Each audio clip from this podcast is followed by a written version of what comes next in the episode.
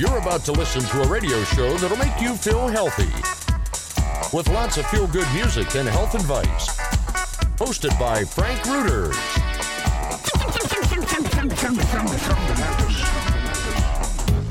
En dan nu. En dan nu. En dan nu.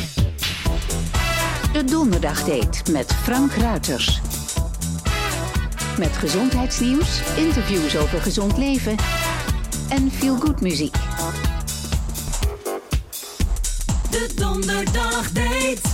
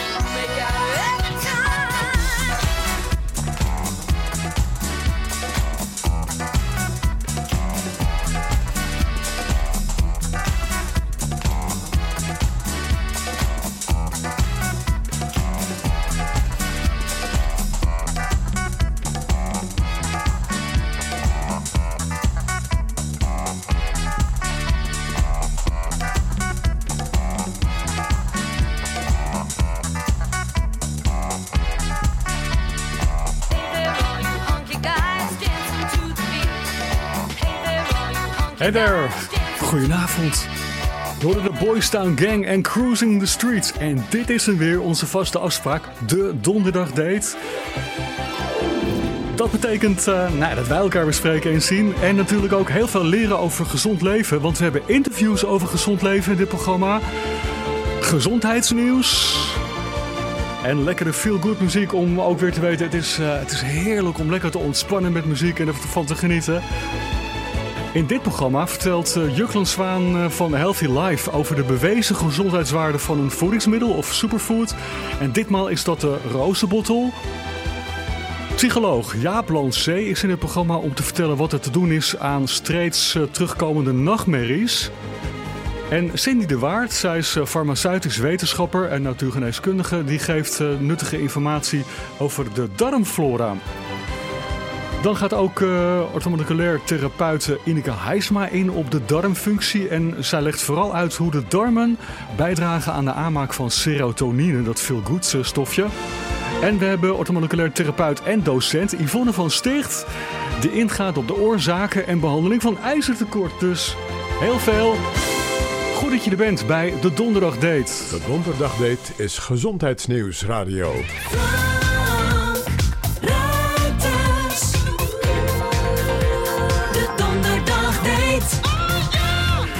Frank Ruiters met de Donderdag Date. Frank Ruiters,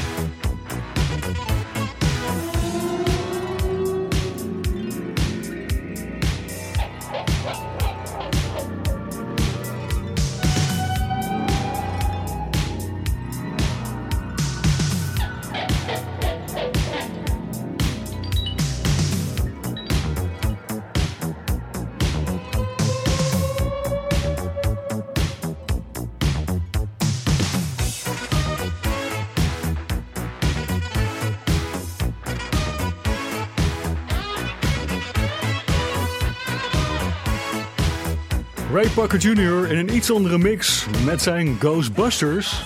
En hij komt nog een keertje terug, straks in het tweede uur. Met zijn band The Radio. Heerlijk hè, om dat mee te doen.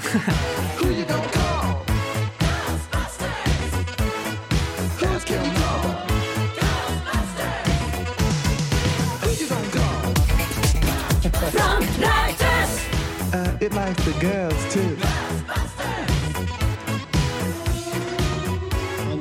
Very familiar with her neighborhood, but one day she stopped at the stop sign and she wasn't even really sure where she was at. When something feels different, it could be Alzheimer's. Now is the time to talk. A message from the Alzheimer's Association and the Ad Council. Juklen Zwaan die duikt altijd in de gezondheidswaarde van allerlei producten. Wat is wel en niet eh, bewezen. En eh, het, is, eh, het is weer zover. En nu? Juklen Zwaan. Goedenavond Juklen. Hey, dag Frank. Goedenavond. Hey, vanavond hebben wij eh, eventjes onder de loep de rozenbottel. Die vaak eh, wordt gebruikt als een eh, natuurlijke bron van vitamine C. Als een goede aanvulling om je te beschermen tegen bijvoorbeeld verkoudheidsvirussen en zo. Ja, en dit keer ben jij ingedoken hè, van wat is nou precies aangetoond van de effecten van vitamine C. Hoe waardevol is de rozenbottel voor je gezondheid, Jukle? Ja, nou ja, ik, ik vind het zelf prachtig. Hè. Ik kom heel vaak, ik mag graag in de duinen fietsen in, in Noord-Holland. En eh, ja, dan zie ik ze elk jaar weer. Die, die rozenstruiken ruiken fantastisch, maar op een gegeven moment verschijnen daar inderdaad die, eh, die rozenbottels. De naam zegt al rozenbottel, hè, dat komt van, eh, van de roos. En de Rosacea, Rosacea-familie is echt een hele grote familie. Er komen heel veel, veel vruchten die we eten dagelijks. hè. En, en, eh, en voor alles komt daar vandaan. Dus een hele rijke, belangrijke familie voor onze voeding. Maar die rozenbottel, daar is toch wel inderdaad iets heel bijzonders mee aan de hand.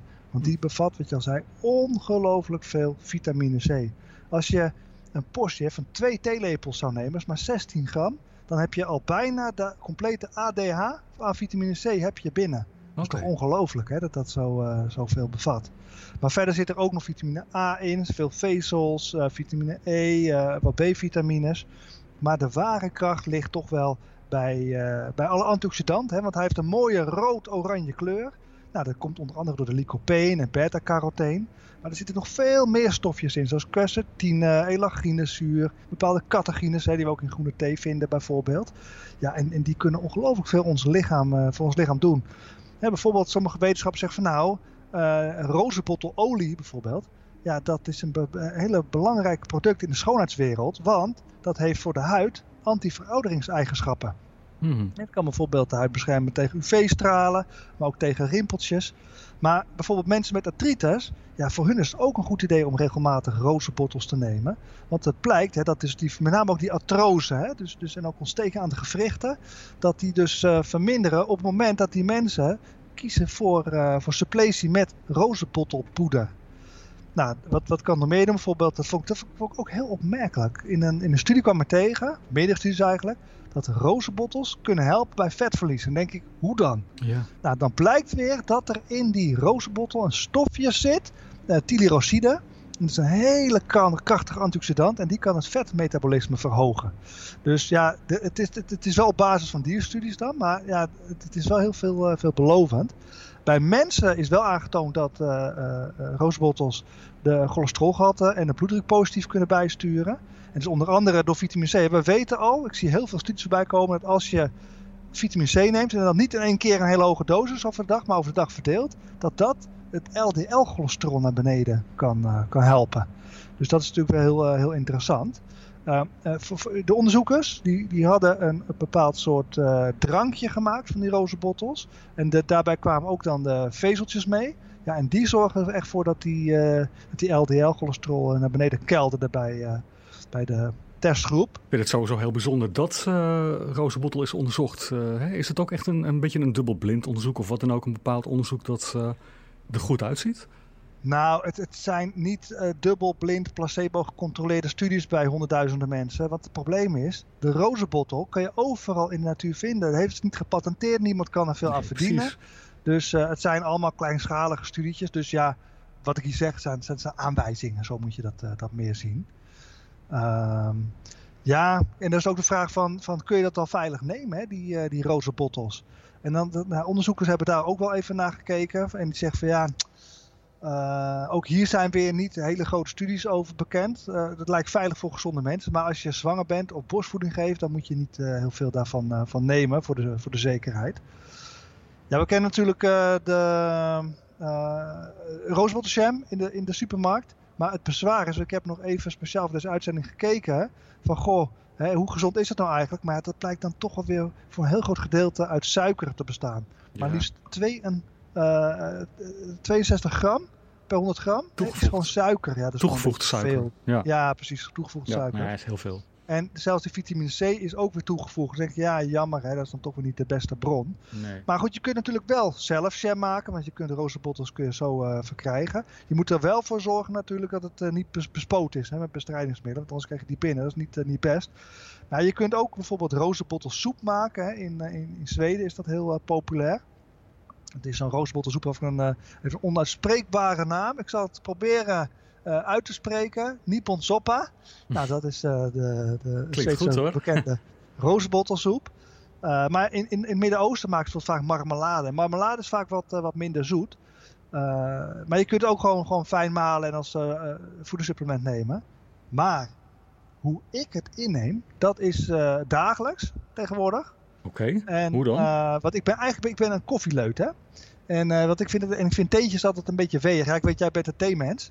Maar een rozenbottelthee, nou, het heeft een krachtige, stevige smaak. Een beetje zuurig. nou, heel maar zuur bam, volgens mij. joh. Oh, ik vind het juist een beetje vies. Een beetje echt heel zuur dat je je gezicht helemaal vertrekt alsof je een citroen drinkt, zeg maar.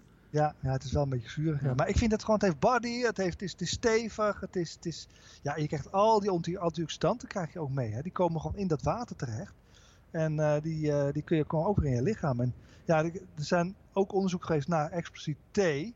Ja, en dan zeggen ze ook weer van, dat hè, de vitamine C is toch goed voor het immuunsysteem. Die antioxidanten komen mee. Het is ook weer goed voor het hart.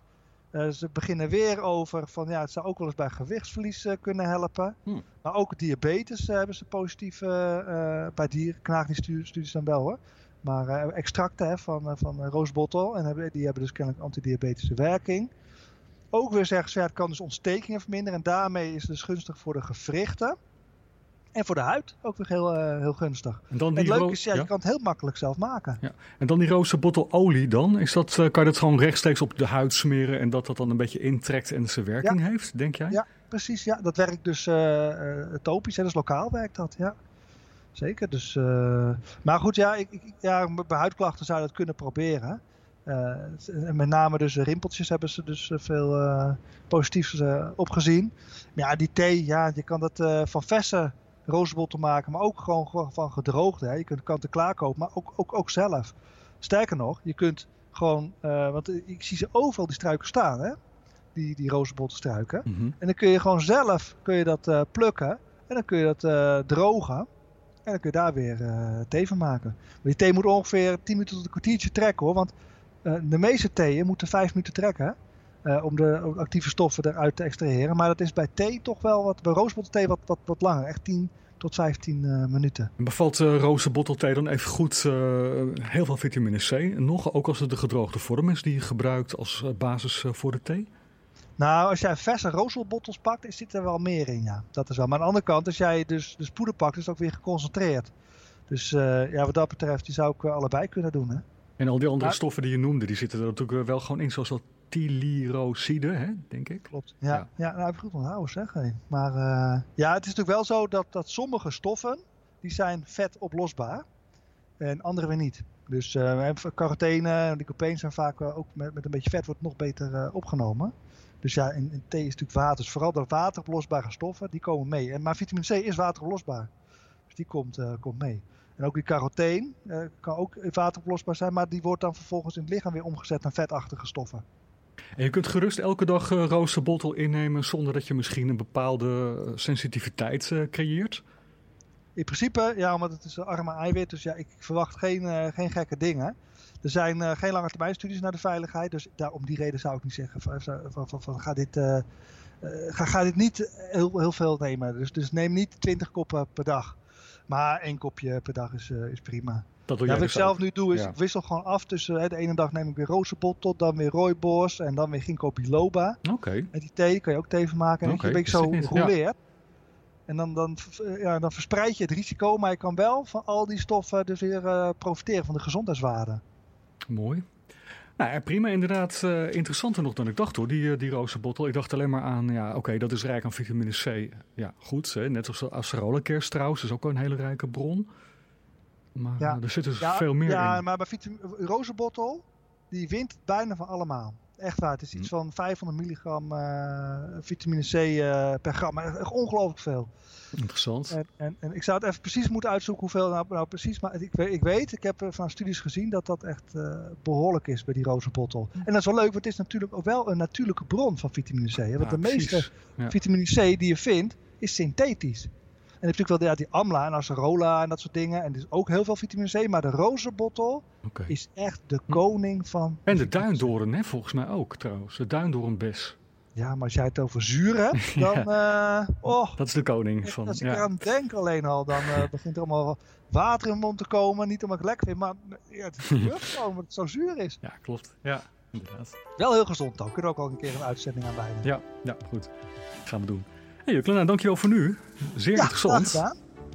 En tot En later. dan ga ik weer eventjes verder aan mijn rozenbottelthee. Ja, prima. Nou, geniet ervan dan. Doe ik. Oké, tot later hè. Hoi, hoi,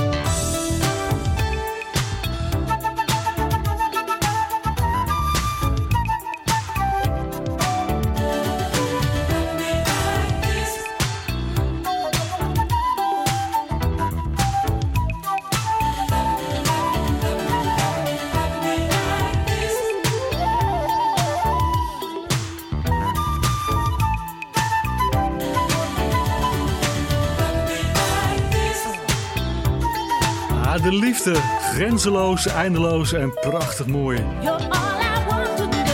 Je hoorde Melba Moore met Lilio Thomas en When You Love Me Like This, I Don't Want To Let You Go bij de Donderdag Date, oftewel Gezondheidsnieuws Radio. Gezondheidsnieuws. Hartrisicopatiënten die omega-3 vetzuren eh, nemen als eh, supplement dan, die lopen mogelijk een verhoogd risico op een hartritmestoornis.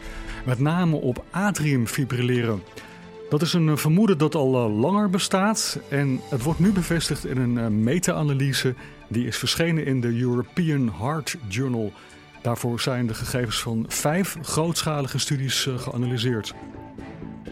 Een nieuwe studie gepubliceerd in de British Medical Journal laat zien dat verandering in de voeding kan leiden tot afname van migraine en hoofdpijn. Een hoge inname van omega-3 vetzuren en een lage inname van omega-6 vetzuren heeft de grootste impact.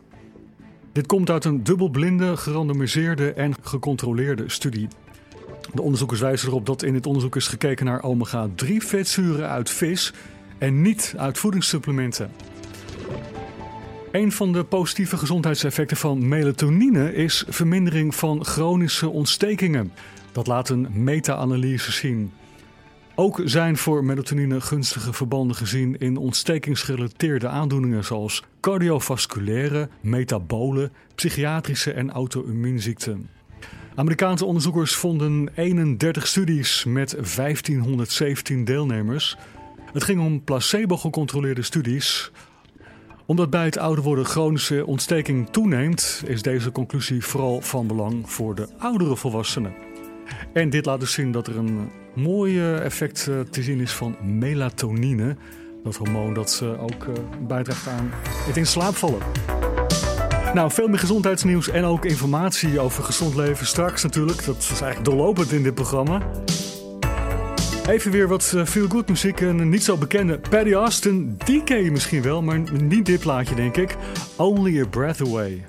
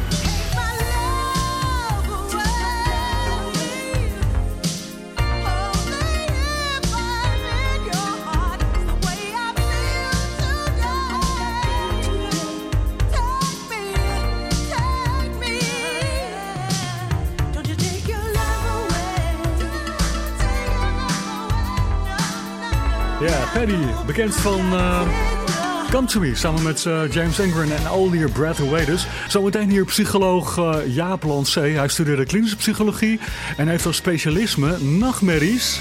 Hij is gepromoveerd op slaapstoornissen in april 2011 en is verbonden aan de Universiteit van Amsterdam. En daar doet hij onderzoek naar slapeloosheid en nachtmerries. En we gaan in het bijzonder in op de behandeling straks van uh, nachtmerries. Eerst even deze meneer. Hier is Rick James. Daar is hij weer. Oh. En Glow.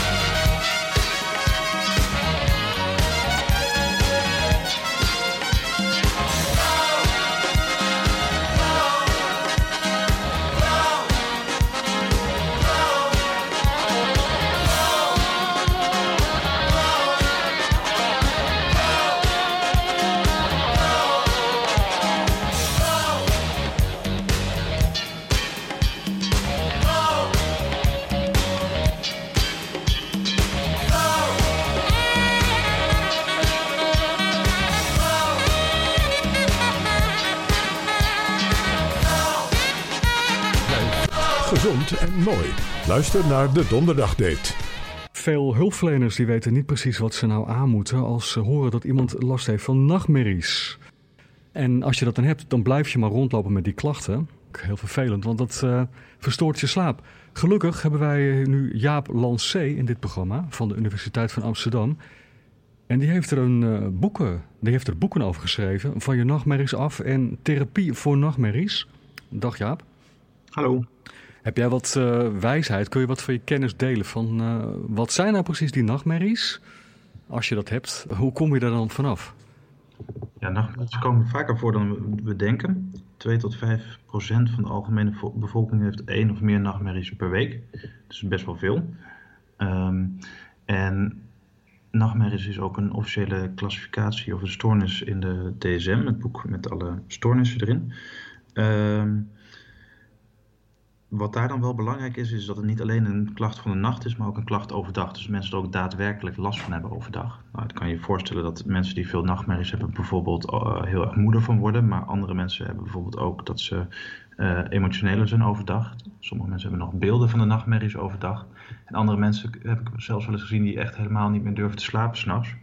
Omdat ze bang zijn dat ze weer die nachtmerrie krijgen. Dus eh, dat kan een hele flinke gevolgen hebben. Van de andere kant zijn mensen ook, ik bedoel, zijn ook best wat mensen die er net iets minder last van hebben, eh, dat het gewoon een vervelende klacht is. Dus er zit alles in dat spectrum zit er wel in. En ik denk wat belangrijk is om te realiseren is dat, dat er twee typen nachtmerries zijn. Je hebt van de ene kant heb je posttraumatische nachtmerries. Dat zijn nachtmerries die eh, komen na een trauma of wat dan ook. Dus als je een ongeluk hebt meegemaakt of eh, iets dergelijks, dan kan je daarover dromen. Andere mensen hebben ook idiopathische of thematische nachtmerries, zoals we dat zo mooi noemen. En dan gaat het eigenlijk over eh, ja, bepaalde thema's. Bijvoorbeeld sommige mensen dromen over eh, achtervolgingen of eh, overlijden van een dierbare of dat, dat soort dingen. Ehm, belangrijk is dat het veel voorkomt. Tegelijkertijd zie je ook dat veel mensen die veel, nachtmerries hebben, die hebben vaak ook eh, ehm, herhalende nachtmerries, dus steeds terugkomende nachtmerries. Ehm, die terugkomende nachtmerries, dan zie je eigenlijk vaak een, een algemeen thema wat zeg maar terugkomt. Dus bijvoorbeeld altijd die man met het mes die je achtervolgt.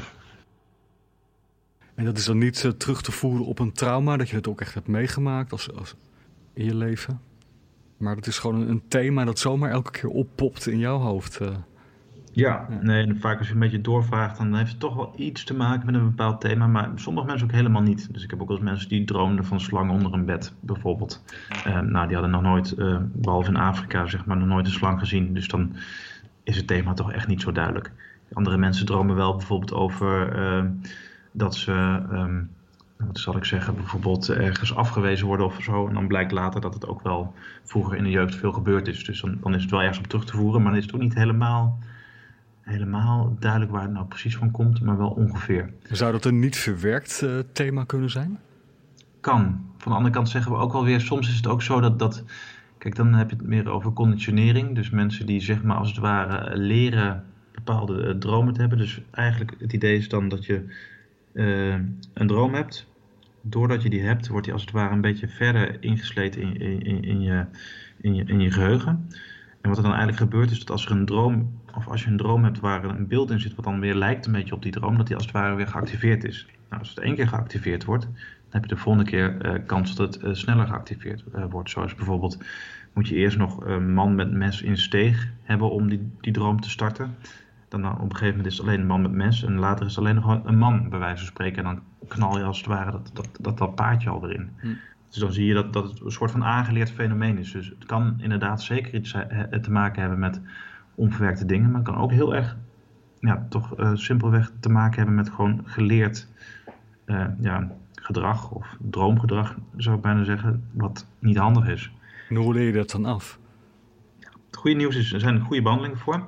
Eh, psychologische behandeling is over het algemeen best onderzocht. Imagery Rehearsal Therapy in het Engels of inbeeldingen of inbeelden en veranderen in het Nederlands. Ehm, behandeling is relatief simpel. Wat je eigenlijk doet is overdag de nachtmerrie opschrijven zo goed mogelijk. Nou, dit hoor je al, dit is makkelijker met echt herhalende nachtmerries. Je schrijft het verhaal zo goed mogelijk op. En eigenlijk ga je dan kijken van, stel nou dat ik zou kunnen kiezen. Hoe zou ik dan eigenlijk willen dat deze nachtmerrie zou aflopen? Wat, waar zou ik nou de meeste behoefte aan hebben? Wat zou ik nou het liefste willen? Nou, het is een droom. Alles kan. Dus je hebt weer die man met die, in de steeg. Die komt achter, achter je aan met een mes.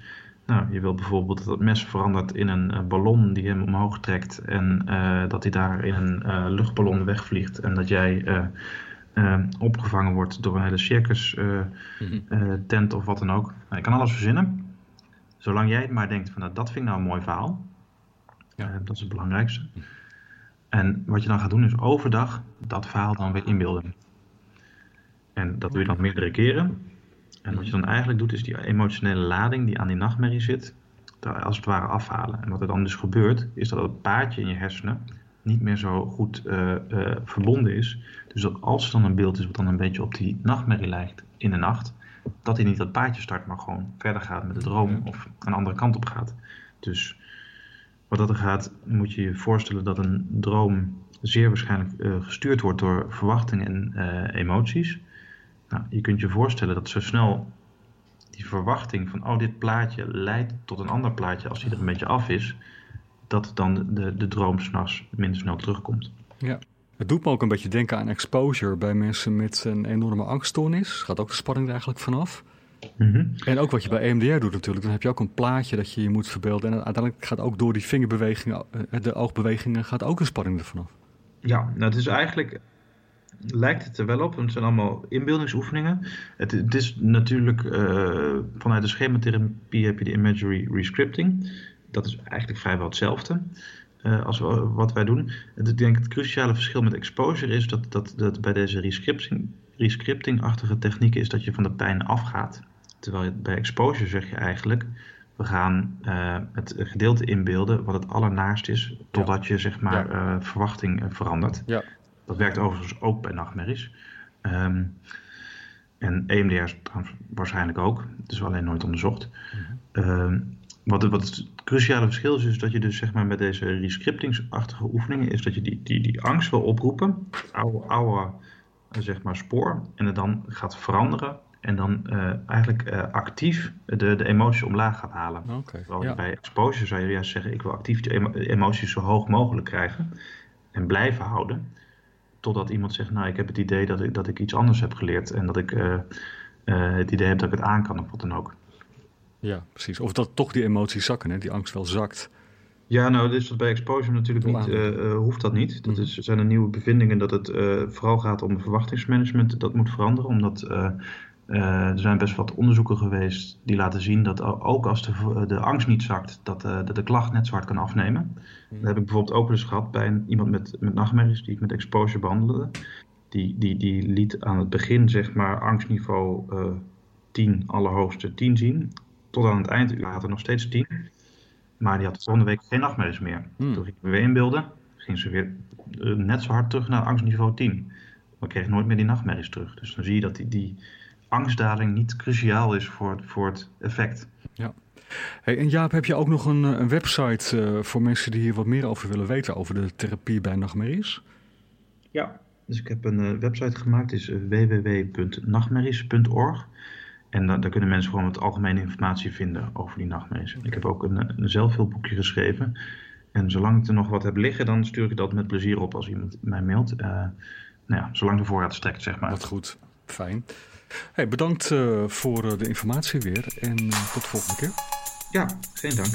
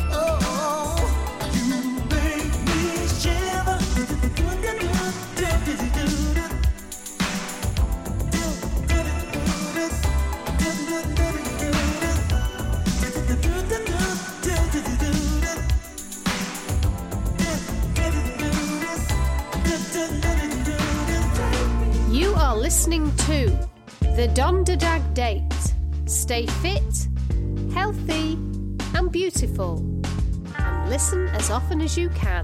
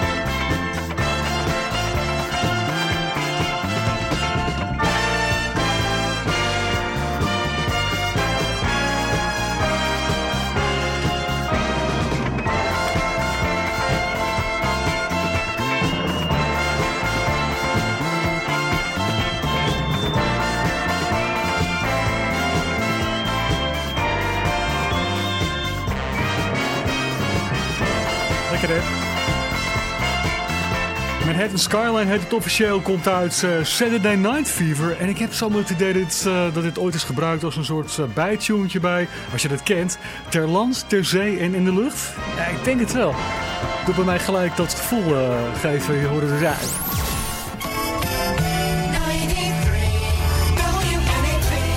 Nou, nog even plaats voor één. Plaats voor één dingetje. Roby en One Night in Bangkok. Straks in de tweede uur ook een heleboel uh, interessante dingen. Cindy de Waard over de darmflora. Yvonne van Sticht over het ijzertekort wat kan voorkomen bij mensen. En Ineke Heisma over serotonine en je darm. Zie ik je zo meteen terug in het tweede uur. Veel plezier met Roby. Dit is One Night in. Bangkok,